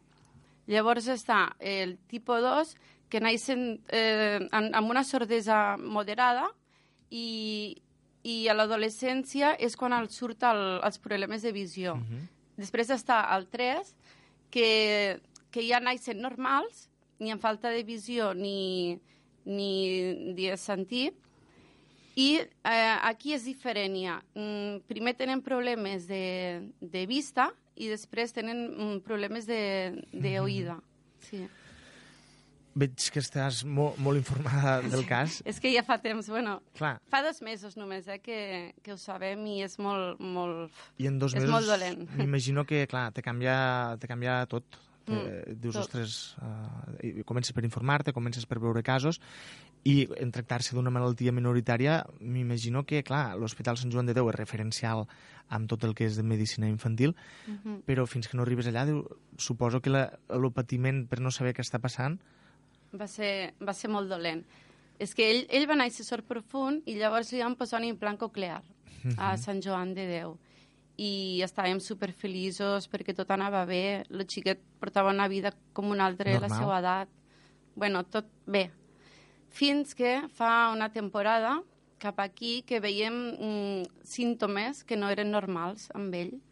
Eh, pues, que tenia moltes caigudes, que veies que per la nit te s'agafava la mà o, o, o en, entrompessava tot, tot el que veia pel terra, perquè de la part de baix ell encara no veu quasi, veu molt Mhm. poc. De la part central sí que veu. I, i clar, nos, nosaltres no sabíem el per què, pues és que a este xiquet li està passant algo Mhm. i veiem que, que hi havia algo estrany. Ens vam alarmar bastant. I quan ho vam veure de veritat va ser aquestes vacances que vam marxar junts i vam estar, claro, 24 hores junts amb ell Clar. i ho vam veure, que, que no era normal. Fins i tot un dia que anàvem per la via verda amb les bicicletes, amb els altres nens també, i era de dia i vam, vam arribar a un túnel, que el túnel era fosc i, i hi havia llum al túnel. pues ell va parar i no va poder continuar i va dir, és que no veig res. Mhm. I nosaltres ens, pens ens pensàvem que ho feia per a cridar l'atenció, Mhm. que com pot ser que no, Clar, que no perquè això no, no, no planteges que estigui passant alguna cosa en, en aquell moment. Claro, perquè, a veure, ell sempre havia anat en bici, que sempre havia tingut falta d'equilibri, això sí, eh? I, bueno, al final van passar el túnel tots caminant, i quan van passar el túnel va caure, va caure perquè és que no, no té estabilitat amb la bici, perquè això provoca la malaltia, també. Mhm. Falta estabilitat, ce- ceguera nocturna i, i, i sordera, també. Enguany, la Marató de TV3 cada any es dedica a una temàtica, enguany es dedica a les malalties minoritàries, que Sí. n'hi ha moltíssimes i afecten això justament molt poca gent. Tu ens has parlat a quatre persones de cada 100.000. 100.000. És un percentatge molt, molt baix, Aproximadament. aproximadament. Sí. Clar, en, en tractar-se d'un- d'un percentatge tan baix, quan vosaltres us diagnostiquen la, esta malaltia del Leó, suposo que vau buscar conèixer altres afectats, no?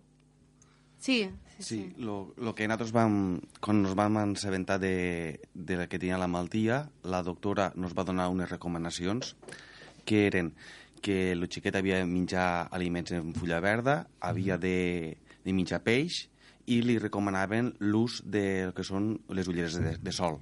Mhm. I ens va encaminar de que quan tinguéssim nosaltres els resultats del, del diagnòstic ens adrecéssim adreçant a la Fundació 11. Mhm. Nosaltres, com han sortit del llit de, de la visita, vam començar, claro, eh, davant d'aquest xoc, vam començar a veure què, què podia haver, on podíem dirigir-nos, què podíem fer. I vam estar buscant a veure si existia alguna associació i vam adonar-nos de que no existia res. Mhm.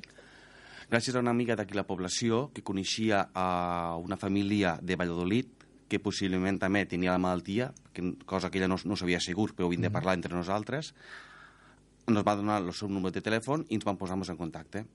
Aquella família també tenia el, el síndrome de, de, de Usher i uh, vam estar parlant sobre la creació de l'Associació uh, Nacional de, de, de Síndrome de Usher, ja que no existia res. No existia. No existia res. Uh, este, el Guzmán, que és de, de Valladolid, uh, ell és informàtic i va dir que uh, muntarien conjuntament el que és una pàgina web Mhm. i també en l'associació. D'aquesta forma donaríem a conèixer a la gent la malaltia i tots els afectats de la malaltia tindrem un lloc per tindre tota la informació, per de, com, com de recolzament, perquè nosaltres ens vam sentir-nos bastant com a desemparats, no? Claro.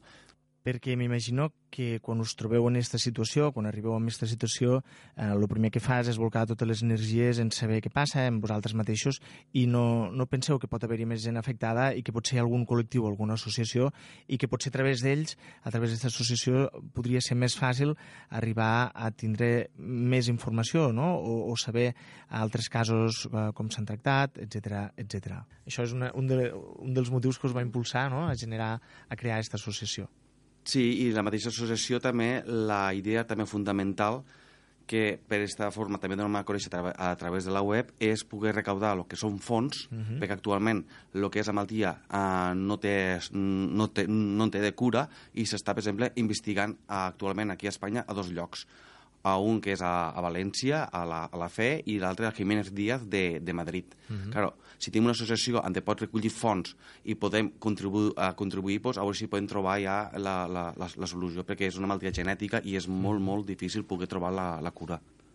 Afortunadament les investigacions avancen molt ràpid, la ciència avança molt ràpid i segurament més tard o més pronte s'acabarà trobant una solució. Això jo crec que, que és evident Mm. Vull pensar que passarà en moltes de les malalties que coneixem avui en dia, no? que, que seran no res. Però mentrestant, vosaltres, en tant que afectats per la síndrome d'Asher, heu organitzat, en col·laboració amb Tempo Teatre, l'Associació mm -hmm. de Teatre de Sant Jaume d'Enveja, una representació mm -hmm. que tindrà lloc este diumenge, dia 15 com en serà això? Són los, los pastorets, molt bé, ja ho hem sí. sentit, però són los pastorets de tota la vida o hi ha alguna cosa especial? Eh, a veure, més o menys sempre és el mateix, però va canviant el guió i, i ho fan molt divertit. És que cada any és diferent, no és el tipus pastorets d'abans que, que t'avorries, que sempre era el mateix.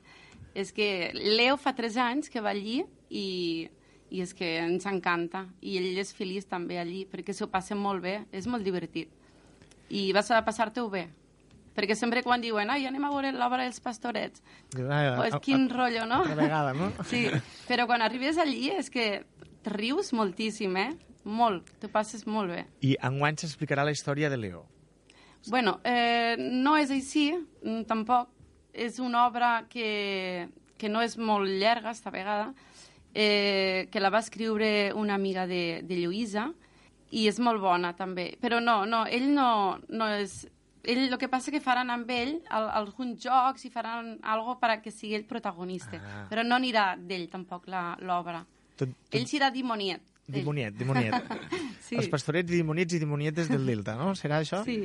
I de tota manera s'aprofitarà l'obra, abans uh -huh. o després o durant algun moment, per conscienciar, per explicar què és la síndrome d'Usher no? i sí. explicar-la sí, sí. a tothom. Sí. A més a més, els fons recaptats eh, amb aquesta obra, a través de l'entrada o a través de les donacions que es vulguin fer, aniran íntegrament a la Marató de TV3. Mm -hmm. És així, és així. Sí, sí.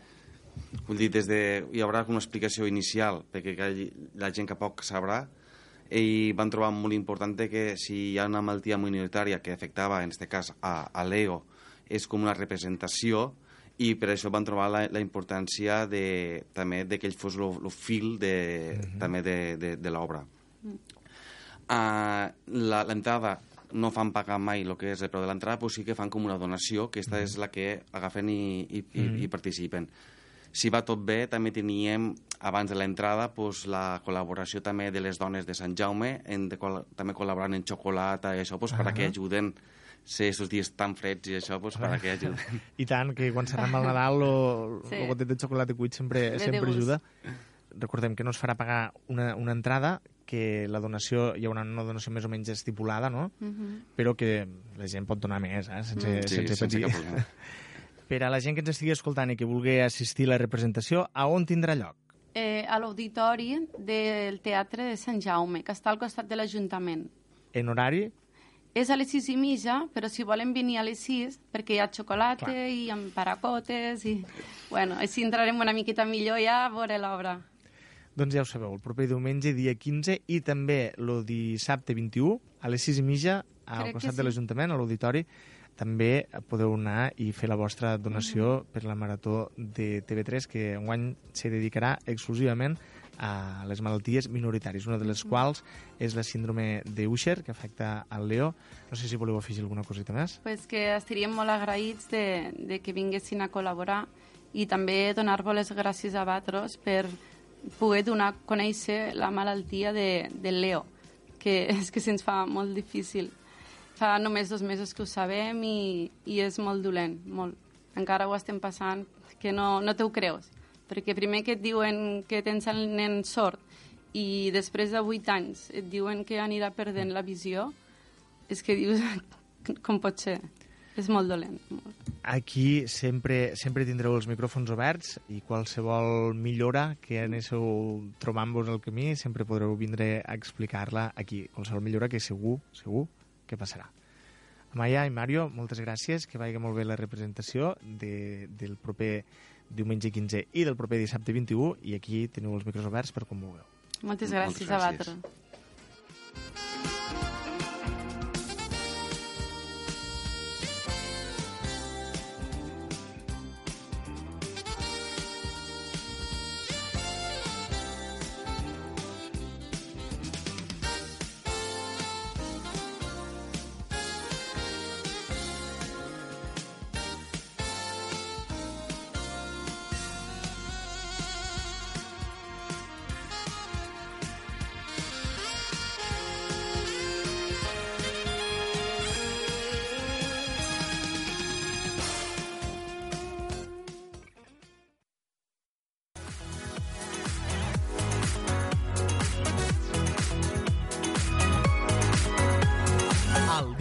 Terres de l'Ebre, amb Josep Pitarc.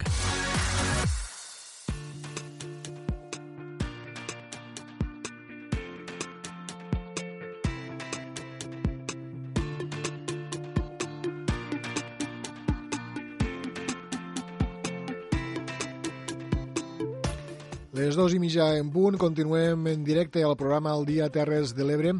Ara ja hem de passar a la secció del dia, avui és dilluns i per tant hem de parlar del món rural, del sector productiu concretament i d'un producte, mm, un producte estrella, també a les nostres terres, sobretot a la zona del Delta i a la zona de l'Aldea. Eh, fa poques setmanes que hi ha arrencat la temporada de la carxofa, un dels eh, productes més importants i tradicionals, com dèiem, de la, de la nostra horta. I en aquest cas, el nostre company Francesc Callau, des de la Cala Ràdio, parla de les previsions d'esta temporada amb Jordi Dolcet, que és el director general de la cooperativa de l'Aldea. Francesc, endavant. La carxofa és un dels productes eh, per excel·lència de l'or de les Terres de l'Ebre. Estem en un eh, moment en què és un dels productes que surt més enllà de les nostres fronteres, un producte consumit al territori i que d'alguna manera tots associem a l'horta d'algunes de les localitats de, de les Terres de l'Ebre. Jordi Dolcet és el director general de la cooperativa de l'Aldea, una de les eh, entitats que produeix eh, aquest eh, producte i amb el que volem parlar una mica de les expectatives i de les previsions que hi han aquesta temporada. Jordi Dolcet, benvingut, què tal? Hola, bon dia. Bé. Com comentàvem això, no?, que si hi ha un producte que coneixem de l'horta de les Terres de l'Ebre i que diguéssim que s'està convertint en una icona, aquesta és la carxofa. No sé si, si penses de la mateixa manera. Doncs sí, aquí a l'Horta del Delta i concretament aquí a l'Aldea el producte per excel·lència és la carxofa. Eh, és ja un producte arrelat aquí a les nostres terres, una carxofa que se'ns dona molt bé de, de cultivar amb, el, amb la terra que tenim i el microclima que tenim aquí a l'Horta del Delta i el saber fer, evidentment, dels nostres pagesos, sense cap dubte. Anem a conèixer una mica més eh, la carxofa, Jordi, perquè comentaves del microclima i de la terra que tenim. Quines són les propietats que necessita aquesta terra? Quina és la meteorologia que necessita? Quina és el, el, el diguéssim que la cura que ha de tenir el pagès per a que surti un producte de qualitat? Bueno, en primer lloc, eh, cal dir que, que els nostres pagesos aquí, com a molt, fan durar la planta de la carxofa, la fan durar dos campanyes, en la qual sempre tenim una, unes, uh, uns peus i, i, en aquest cas, unes carxofes renovades, en la qual sempre la planta és molt jove. Per tant, la planta jove sempre dona millor qualitat. I després, una de les altres coses que també és important i que només ho dona el territori nostre d'aquí de, de l'Horta del Delta és eh, el tema de, del fred. Eh, si arribéssim a tindre temperatures eh, rondant els 0 graus, encara que estigui pel damunt, mig grau pel damunt, eh, llavors ja comencem a, a tindre fulles marcades, cosa que aquí a l'Aldea no passa. Eh, jo fa quatre anys que estic treballant aquí a, a l'Aldea, a la cooperativa de l'Aldea, i, eh, i cap dia dels quatre anys aquests, cap hivern, diguem, hem, hem baixat de 0 graus, el qual això és un valor afegit que tenim, que ten, tenim un producte que el cultivem eh, al carrer sense hivernacles de, de cap mena i, i és un producte d'excel·lent qualitat, perquè la, el temps i les temperatures que es donen aquí al Delta eh, ens, ho, ens ho marquen així. Quin és el procés de la carxofa? És a dir, eh, des de que es planta eh, fins a que es cull, quin és tot el procés i en quina època de l'any, diguéssim, que la, la ubicaríem? Bueno, el procés de, durant l'estiu eh, és quan se fan les soques eh, per a renovar aquestes plantacions i per allà a setembre, més o menys, és quan se planten i després d'aquestes carxofes cap a bueno, novembre, primers de desembre ja tenim carxofes de les mates noves, però en aquest moment que ja vam començar a tindre carxofes sobre primers de novembre són de les carxofetes que tenen dos, segona collita, ¿vale? eh, que és el segon any. Per tant, això ens dona eh, més ventall per poder tenir carxofes des de final d'octubre, primers de novembre, fins a que la calor ens ho permet, que per a tindre una excel·lent qualitat pues, seria mitjans d'abril, bueno, primera quinzena d'abril més o menys. Eh, quin és el punt eh, ideal per acollir la carxofa? És a dir, no cal que sigui un producte amb un pes determinat o, o, o el pagès sap veure el punt ideal de la carxofa?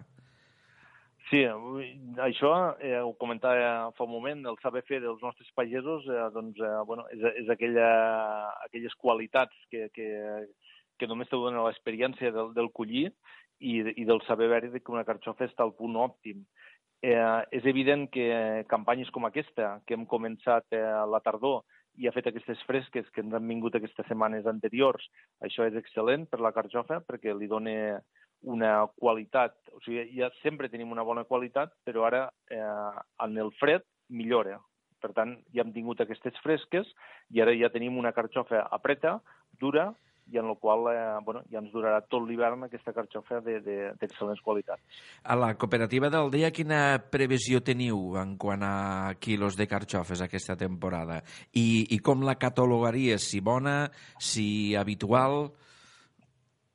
Bueno, esperem, eh, bueno, desitgem de que la campanya sigui bona. Eh, de moment hem començat amb molts d'ànims, hem començat molt bé, però evidentment estem al, al començament. Ojalà eh, pogués tenir la, la bola de vidre i, eh, i que això continués així fins al final.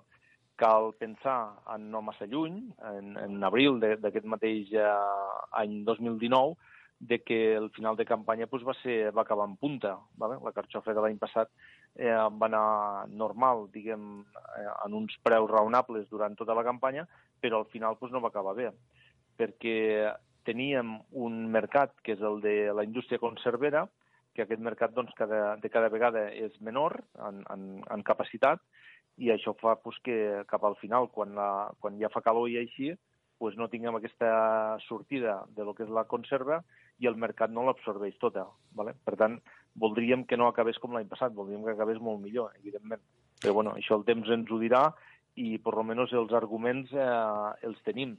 De, de cada campanya anem obrint una miqueta més enllà mercats. Eh, a quatre anys, eh, per dir un número així a curt, eh, traure carxofes fora del territori català eh, quasi, quasi impensable. Avui eh, portem carxofes a França de manera habitual. Per tant, bueno, estem obrint mercats eh, que no els teníem i això pues, ens fa de que, de que puguem valoritzar més el producte.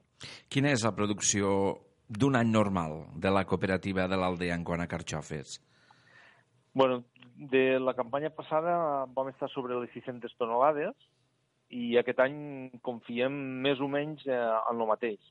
Podria ser que fos una miqueta més perquè la gent bueno, ha renovat plantades, però aproximadament confiem en aquestes tonelades. El preu de sortida d'aquests primers mesos de la carxofa, diguéssim que acontenta el sector?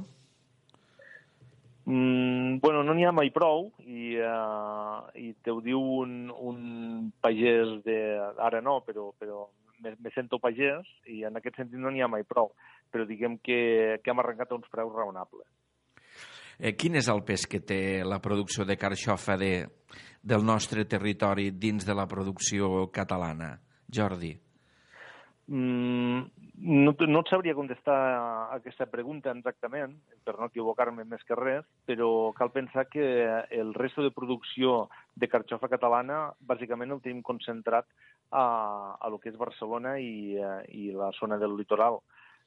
Per tant, l'Aldea i tot el que és eh, limítrof a el que és Horta del Delta, els pobles colindants a l'Aldea, eh, tenim una, una partida molt important dins de, i un pes específic dins del territori català. Es con consumim prou carxofa aquí, a les Terres de l'Ebre, al lloc d'origen de la producció? Sí, se'n consumeix molta. El que passa que eh, hi ha una cosa que és l'autoconsum, que, que no el tenim controlat, i aquest és un factor molt important. En, to, en, to, en tots els territoris, és igual si ara parlem de fruita dolça, com parlem de carxofa aquí al Delta, eh, pues, qui no té un veí que, que li regale producte perquè, perquè n'ha fet més del compte, o ell mateix pues, eh, ne fa per fer rostides i coses d'aquestes. Per tant, eh, jo crec que consumidors ho som, consumidors en potencial, i a més eh, se cuina, eh, jo que vinc de fora i estic ara residint aquí a, a l'Aldea, eh, se cuina d'una manera diferent. Jo les carxofes de, de l'horta, ai, de, de, del Delta de l'Ebre les trobo molt millors que quan me menjo fora d'aquí. Eh, el tema gastronòmic és un punt important perquè també en els darrers anys hem vist que s'ha obert una mica el ventall de possibilitats de la carxofa a la cuina. Abans estàvem acostumbrats a menjar-nos-la doncs, bueno, quan la fem al foc a la brasa, no? rostida, o, o, la, o la menjàvem tallada a filets a fregida i ben poca cosa més. Ara estem acostumats a que ens podem trobar carxofa en qualsevol plat perquè les creacions, diguéssim que han ampliat moltes possibilitats, no? Correcte. Bueno, jo penso que en aquest món de la cuina innovar és un, és un valor molt important i, eh, i els nostres restauradors pues, ho estan fent, eh, tant en carxofes com en, en els productes locals, i, eh, i això pues, és, eh, bueno, és una cosa que és molt positiva per a tot. Mm, la producció de la carxofa està en una situació estable? És a dir, o creus que al territori se pot incrementar superfície, hectàrees de, de cultiu de carxofa o ara, de moment, tal com estan els mercats, tal com està el consum interior, les exportacions, de moment el tema ja està bé? Sí, bueno, com a territori d'Horta, eh, evidentment podríem incrementar les produccions de carxofa, però jo penso que en la diversitat està una mica el valor i eh, bueno, apostar tot a una sola producció pues, és una mica arriscat. Llavors, jo entenc molt bé els nostres pagesos de que facin eh, de les terres que tenen dedicades a horta doncs facin una part de carxofa, facin una part de, jo què sé, de, col de coliflor i una part d'api, per dir alguna cosa. ¿vale? Vull dir que diversifiquin una mica en els cultius que es poden fer ara a l'hivern, que són variats i múltiples, i així pues, eh, agafem un ventall de, de mercat pues, que, que bueno, una cosa pot patir i l'altra pot anar millor. Per tant, bueno, jo penso que créixer eh, se podria, però, però crec que estem a un límit ja raonable. Eh, fa falta promoció, és a dir, fan falta carxofades a les Terres de l'Ebre? Bueno, promoció, eh, jo és una de les coses que hi crec bastant. Eh, penso que sí, eh, eh, en tots els sentits. Eh? Vull dir, qualsevol acte ben organitzat i que tingui un reclam de públic, doncs te dona a conèixer, te dona possibilitats i, i al final eh, poder vendre i poder donar més valor al producte i valoritzar-ho més de cara als nostres socis doncs és, eh, és excel·lent. Jordi, escolta, moltíssimes gràcies i us desitgem que tingueu una molt bona temporada de la carxofa a la cooperativa de l'Aldea. Moltes gràcies i també gràcies a vosaltres. Jordi Dolcet, director general de la cooperativa de l'Aldea, parlant-nos de, bueno, de la temporada de carxofa en aquesta entitat i aquesta localitat del Baix Ebre, de les Terres de l'Ebre, pues, quan estem en, diguéssim que, que els primers mesos, les primeres setmanes, l'inici de, d'aquesta, la, de la temporada de la carxofa, que és un dels productes més importants i tradicionals de l'horta ebrenca.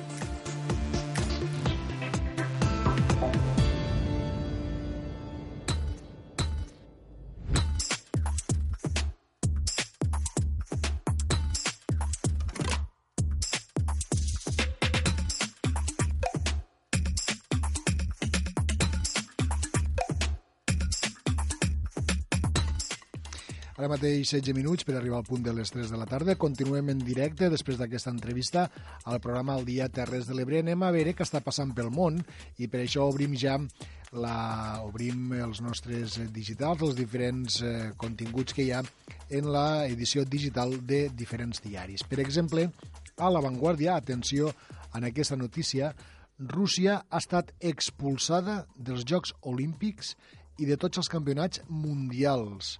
Eh, per tant, no podrà participar ni als campionats del món ni tampoc als Jocs Olímpics per una qüestió de dopatge. El, aquest país, Rússia, ha estat exclòs de totes les competicions internacionals durant 4 anys. Per tant, una forta sanció en aquest cas per a, per a Rússia, forta i exemple, exemplific, i que dona exemple d'alguna manera. Eh? Més qüestions, eh, també a l'avantguàrdia. Esquerra Republicana posa fre al PSOE i retarda al mes de gener una possible investidura. Els republicans reconeixen que la decisió judicial sobre la immunitat de Junqueras condicionarà també les negociacions amb Ferraz. Per la seva banda, el president del govern, Pedro Sánchez, es reunirà amb Arrimadas aquesta setmana o la que ve, però sense la presència de Casado. També eh, la plantilla de Ryanair a Girona pacta un acord per evitar el tancament eh, d'aquesta eh, base de, a l'aeroport de Girona. També Barcelona crea una altra taxa de residus que seran entre 2,25 i 4,25 euros mensuals més. És a dir, una quantitat de més que hauran de pagar totes les barcelonines i els barcelonins. I Dolor i Glòria i Antonio Banderas nominats als Globus d'Or. Per altra banda, Puigdemont i Torra presideixen a Brussel·les una reunió de Junts per Catalunya. Exdiputats del PDeCAT aposten per facilitar la investidura de Pedro Sánchez i els comuns demanen a Esquerra Republicana que deixen de jugar a pòquer amb Quim Torra. A Galícia, el possible govern de coalició constitueix la gran amenaça electoral per a Núñez Feijó. Per altra banda, Consuelo Ordóñez carrega contra Álvarez de Toledo per les seues polèmiques declaracions sobre ETA. També el síndic de Greuges senyala que els pacients de l'Estat operats a Catalunya generen un sobrecost a la sanitat catalana. Passem ja al periòdico de Catalunya. Titular, Esquerra Republicana que avisa l'acord amb el PSOE, si arriba, serà al mes de gener.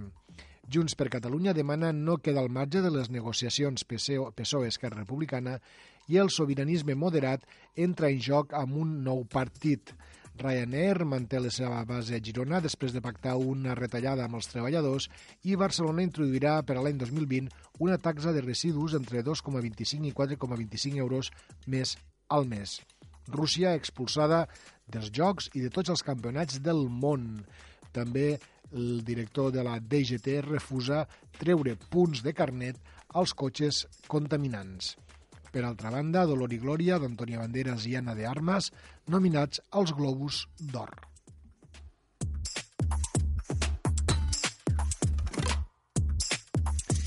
El punt avui també, més informació. Esquerra Republicana demana al PSOE que faci gestos i es mogue si vol accelerar la investidura.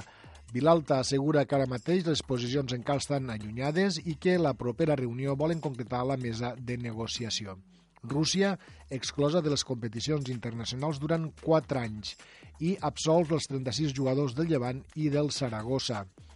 Ryanair no tancarà la seva base a Girona i el PSC respon a Esquerra Republicana sobre la investidura. Si no és possible fins al gener, doncs serà el gener. Critiquen també que l'autoritat del transport metropolità de Barcelona perjudica els usuaris del transport públic freqüents, però no diaris, i els comuns pressionen Esquerra. Hem d'arribar a Nadal amb els deures fets. 50 empreses tornen a Catalunya entre gener i juny, després de traslladar la seu social l'any 2017 o l'any 2018, i Barcelona començarà a cobrar un impost de residus a partir del maig del 2020. I també una entrevista a Greta Thunberg. L'emergència climàtica no és un problema de futur, ja ens està impactant. També, en aquest cas, els caps antiavalots de la Policia Nacional de l'1 d'octubre tenien ordres de no fer detencions. I passem ja a l'actualitat de les nostres terres, per exemple, la guaita.cat. Les Terres de l'Ebre continuen sent el territori on es parla més el català. Protecció Civil activa en l'alerta del Pla Ventcat per les previsions de fort vent, finalitzen els treballs de millora del ferm de la via verda entre Xerta i Tortosa i també que les cases rurals de les Terres de l'Ebre només arriben al 30% d'ocupació per aquest llarg cap de setmana de la Puríssima.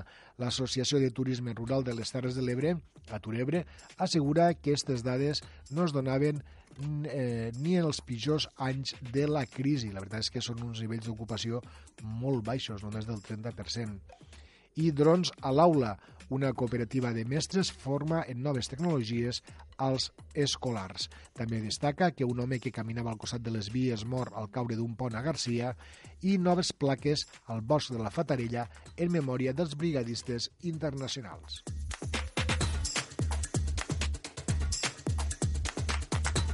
I acabarem amb l'Ebre Digital, el diari digital del canal Terres de l'Ebre. La Ribera d'Ebre desplega un pla per promocionar el producte local agroalimentari. Protecció Civil activa en alerta el pla Bencat per les previsions de vent fort, no són previsions, de fet ja ens està afectant i de quina manera, la ventada que ara mateix estem patint en alguns indrets de les nostres terres. Finalitzen els treballs de millora del ferm de la Via Verda entre Xerta i Tortosa i la MAC aborda a Mascó i Vandellós els plans de desenvolupament econòmics postnuclears. També el pessebre vivent de Jesús actua al poble espanyol de Barcelona i mestres de la Universitat Rovira i Virgili creen una cooperativa per portar la formació en noves tecnologies a l'escola.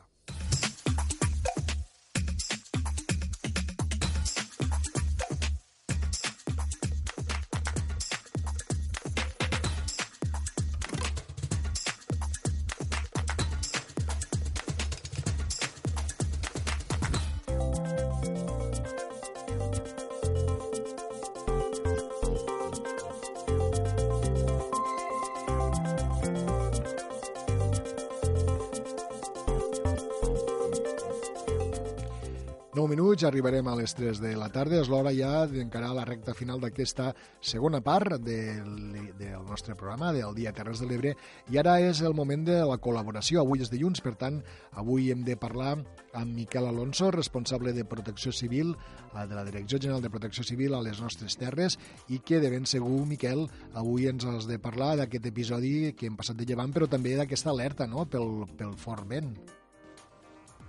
Bon dia passat ja un altre episodi de llevant, eh, tardà perquè fa a l'època de l'any que ens ha tornat a deixar precipitació generalitzada arreu de les Terres de l'Ebre.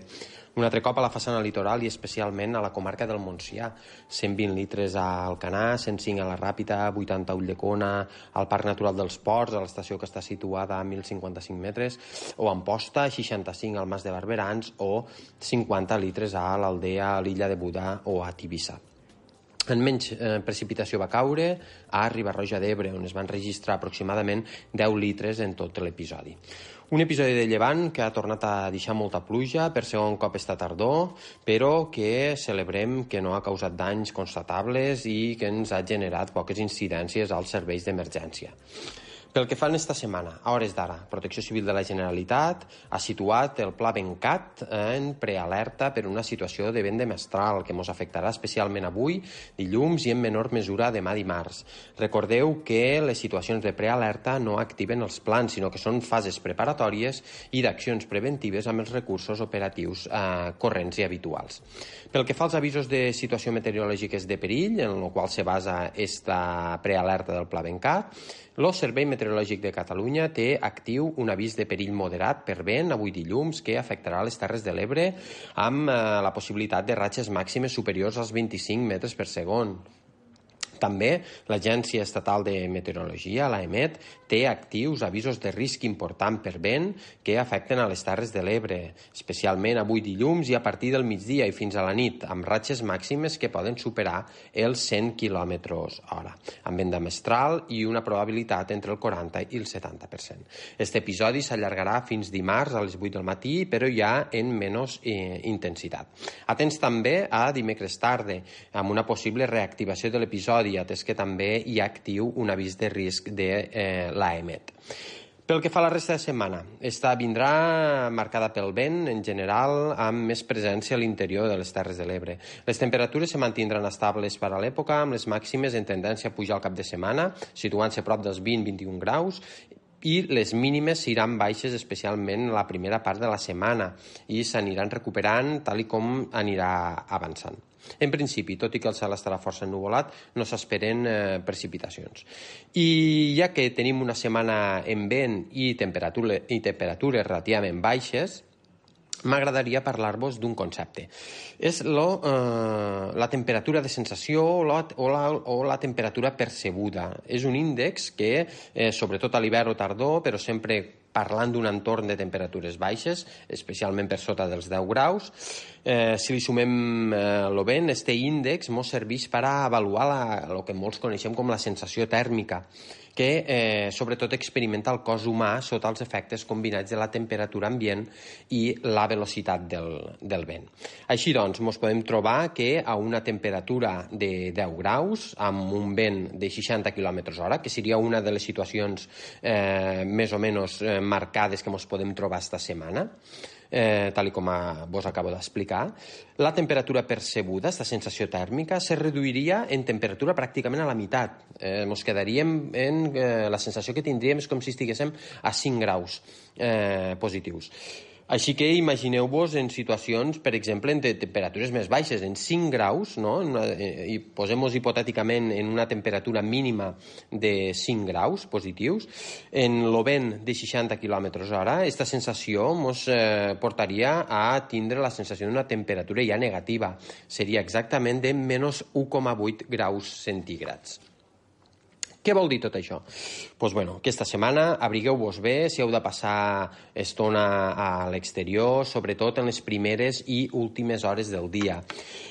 Abrigueu-vos començant pel cap, els peus i les mans, que són els llocs on el cos perd més calor. I recordeu que més val portar tres capes fines de roba que no pas una de molt gruixuda. Així que passeu tots una molt bona setmana.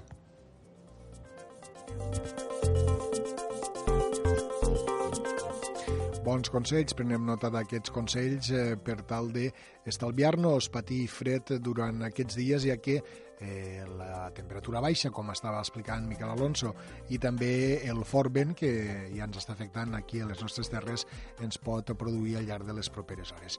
Bé, i amb aquests consells hem arribat al final de la segona hora, però no marxem. Recorden que a partir de les 3 i 4 minuts aproximadament i fins al voltant de les 4 tornem, tornem amb la tertúlia, amb el Cafè de la Tarda, aquesta tertúlia que fem en directe des de diferents estudis de ràdio, però que també es pot seguir a través de les pantalles de televisió.